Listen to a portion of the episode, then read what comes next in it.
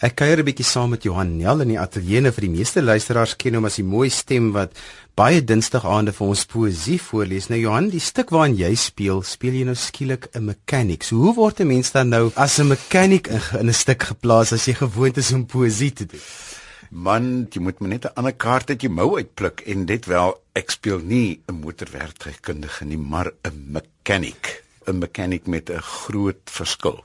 Uh, ek en Wally Schultz is die twee spelers en Wally is 'n regte mechanic maar ek is 'n mechanic met 'n difference. Die stuk is geskryf deur Leon Creer. Vertel vir ons van die stuk.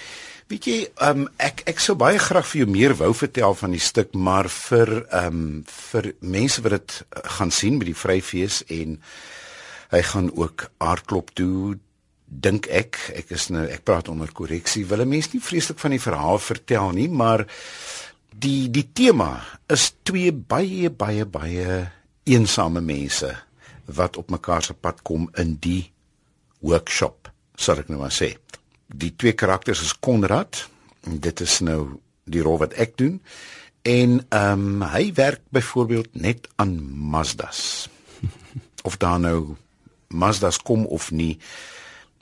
Waldie wat by my kom werk en nie verstaan dat ek net aan Mazdas werk nie. Hy sê maar wat doen ons as as daar nou niks werk is nie? Hy sê jy wag vir die volgende Mazda. En dit waarom hy net aan Mazdas werk uh al vir 11 jaar lank uh, word in die ontknoping aan die einde bekend. En dit is 'n uh, dit is regtig waar 'n juweel van 'n teks wat Leon Creer geskryf het.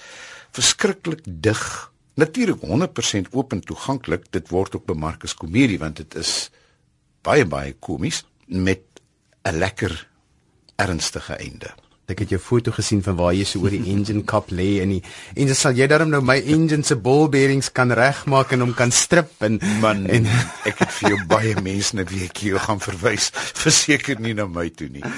Ja, want die stuk gaan speel in die ou meelteater in die Parel. Dis waar ja. die Kaapenaars nou die eerste keer die kans gaan kry om dit weer te sien. Ja. Vertel vir ons van die ou meelteater want jy woon ook in die Parel en jy het 'n ja. lang verbintenis met hierdie wonderlike teater wat nie baie bekend is in die res van die land nie. Weet jy, hy raak al hoe meer bekend. Ek ek meen ek praat weer eens sonder korreksie. Ehm uh, Sandra Prinsloo het al Oscar in die Pink Tannie daar gedoen. Chris Chameleon was al daar. Ehm um, nee, daar kom nou name Parel toe, maar wat vir my wonderlik is, so 'n hele paar dekades gelede was ek onderwyser daar by by Hoërskool Gimnasium Engels gegee en ek het my tande geslyp as akteur daar by die amateur groep van die Parel, die ou meelteater.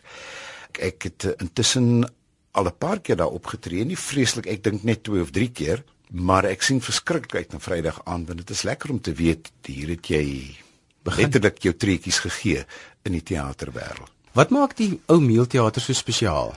Ou gebou, ou gebou, uh hy was redelik aan die verval toe raak die Parel 300 jaar oud in 1987 en toe word ek gevra om die feesstuk wat geskryf is deur W.A. de Klerk ander ou groot perlied op te voer daar, maar die teater was aan die verval. En uh toe die munisipaliteit geweldig baie geld bestee om ek moet nou nog die voorgordyn moes ek nog kies en die res van die interieur sal ek nou maar sê. En uh, toe het hy weer lekker opgevlam onder die amateurspelers van van die Parel. En toe ek my oë weer uitvee, intussen is ek nou die onderwys uit en het ek nou die professionele verhoog betree. Toe ek my oë uitvee, sien ek nee, maar hier is nou groot groot groot name wat die Parel besoek in die ou meelteater. Die klub het hom destyds vir 'n uh, 'n leeftyd lewenslange huur vir iets soos 'n rand per jaar dit was die ou heel bekostig. Dit was die ou brandweerstasie van die Parel en niemand kan kla oor 'n rand per jaar nie. Nou speel hulle hom aan die brand. Aan die brand. Johan, ons ken jou as 'n poësieleser en ek dink sonder om om jou heuning om die mond te sweet, een van ons beste poësielesers wat daar is. Waar kom jou liefde vir poësie lees vandaan en hoe kry jy dit reg om poësie te laat opstaan uit 'n bladsy uit? Ek dink die helfte van die werk is in elk geval gedoen deur die digter self wat met klank speel, wat met ritme speel, wat met metrum speel, wat betekenisse vir jou nie uit die boek uit laat spring nie, maar wat vir jou lekker die geleentheid gee om daarin te delf. So ek gaan definitief nie al die krediet neem daarvoor nie, die helfte van die krediet kom die die digter toe.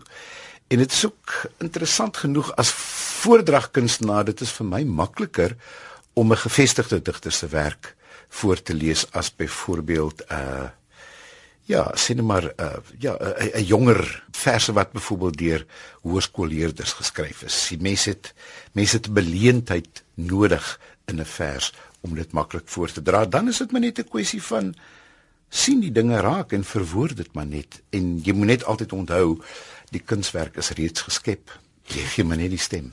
Nou Johannes, jy nou werk met 'n stuk van Jon Creer wat strip waar jy nou 'n mechanic speel wat soveel verwyderd is van van om poësie te lees. Hoe is die proses vir die akteur om dit geloofwaardig oor te dra? Dit is eintlik vreeslik maklik, jy weet daar's soveel ander dinge wat 'n mens help. Ek meen 'n wonderlike stel wat ons het. Genade dit lyk regtig soos 'n garage. 'n Man cave. Uh, absoluut. En jy Waldi en jy het hierdie wonderlike teks van Leon en weet jy as jy die ding begin verwoord, dan raak jy daai mechanic maar gelukkig soos ek sê ek is nou die mechanic met 'n difference. Waarvan ek ongelukkig nie nou veel kan sê nie. En dan het jy gewerk saam met die jong regisseur Gern Hauptfleisch. Ja, Gern en ek ek ken hom as student toe ek opgetree saam met die drama departement in poesieprogramme destyds van die luisteraars moet dit onthou by die KAK&K soos ek gebek 1 soos ek gebek 2 die maarman met die groen trui. En intussen het hy ontwikkel tot 'n teaterpraktisyn sonder weerga. Geweldig tegnies dit was heerlik om onder hom te speel. Jy weet presies waar alles aan of af is en waar jy aan of af is. Nou Jan, wat gaan deur 'n mens se kop so laaste vraag as iemand vir jou rol aanbied wat so ver verwyderd is van van jou elke dag, want ek meen jou wêreld is so ver verwyderd van die rol wat jy nou moet speel. Ja, jy weet as jy nou 'n as jy nou van naderby kan kyk wat op die verhoog aangaan, as ek nou daar 'n aan 'n onderdeel of 'n ding staan en werk met 'n nou moet ek nou sukkel met 'n skroef man en kry ek nie 'n skroef nie, dan sukkel ek sommer met enige uitstoppunkie. Ons het ongelooflike klomp sports op die verhoog met my nul tegniese aanleg. Nee, as so 'n ding op jou pad kom, dan is dit 'n wonderlike wonderlike uitdaging. Want uh, onthou nou maar die teater is wêreld van make believe, dis nie regtig nie. Moenie 'n motor na my toe bring nie. Dit is maar net make believe en jy moet net dat die gehoor oortuig. Wat het die mense vir julle gesê want dit was 'n absolute treffer op die op die kunstefeeste waar dit al was. Wat is die terugvoer wat julle kry? By die Kakke en K het ehm um, Chris van die kerk die rol gespeel wat ek nou moes oorneem omdat hy nie beskikbaar is by die by die Vryfees nie, maar hy is weer te sien in strip by ehm um, praat weer eens onder korreksie by ehm um, by Artklub en ek is weer te sien daar in by die Koffiefees op op onder is hier erns in Augustus. Hmm. Uh terugvoer het ons nog nie veel gehad nie. Ons het nog net 2 aande op Stellenbosch opgetree en dan is dit die Parel wat voor lê waarna ek baie uitsien en ek is seker af vandag gaan baie terugvoer wees en dan natuurlik die Vryfees. Johan, so waar en wanneer kan die mense na hierdie stuk kyk? Vrydag aan 7 Junie, kwart oor 8 in die ou Meelteater en die persoon wat hulle daar kontak is Wiki Stemmet vir besprekings en dan by die Vryfees in Bloemfontein en dan by die Koffiefees op Onderus.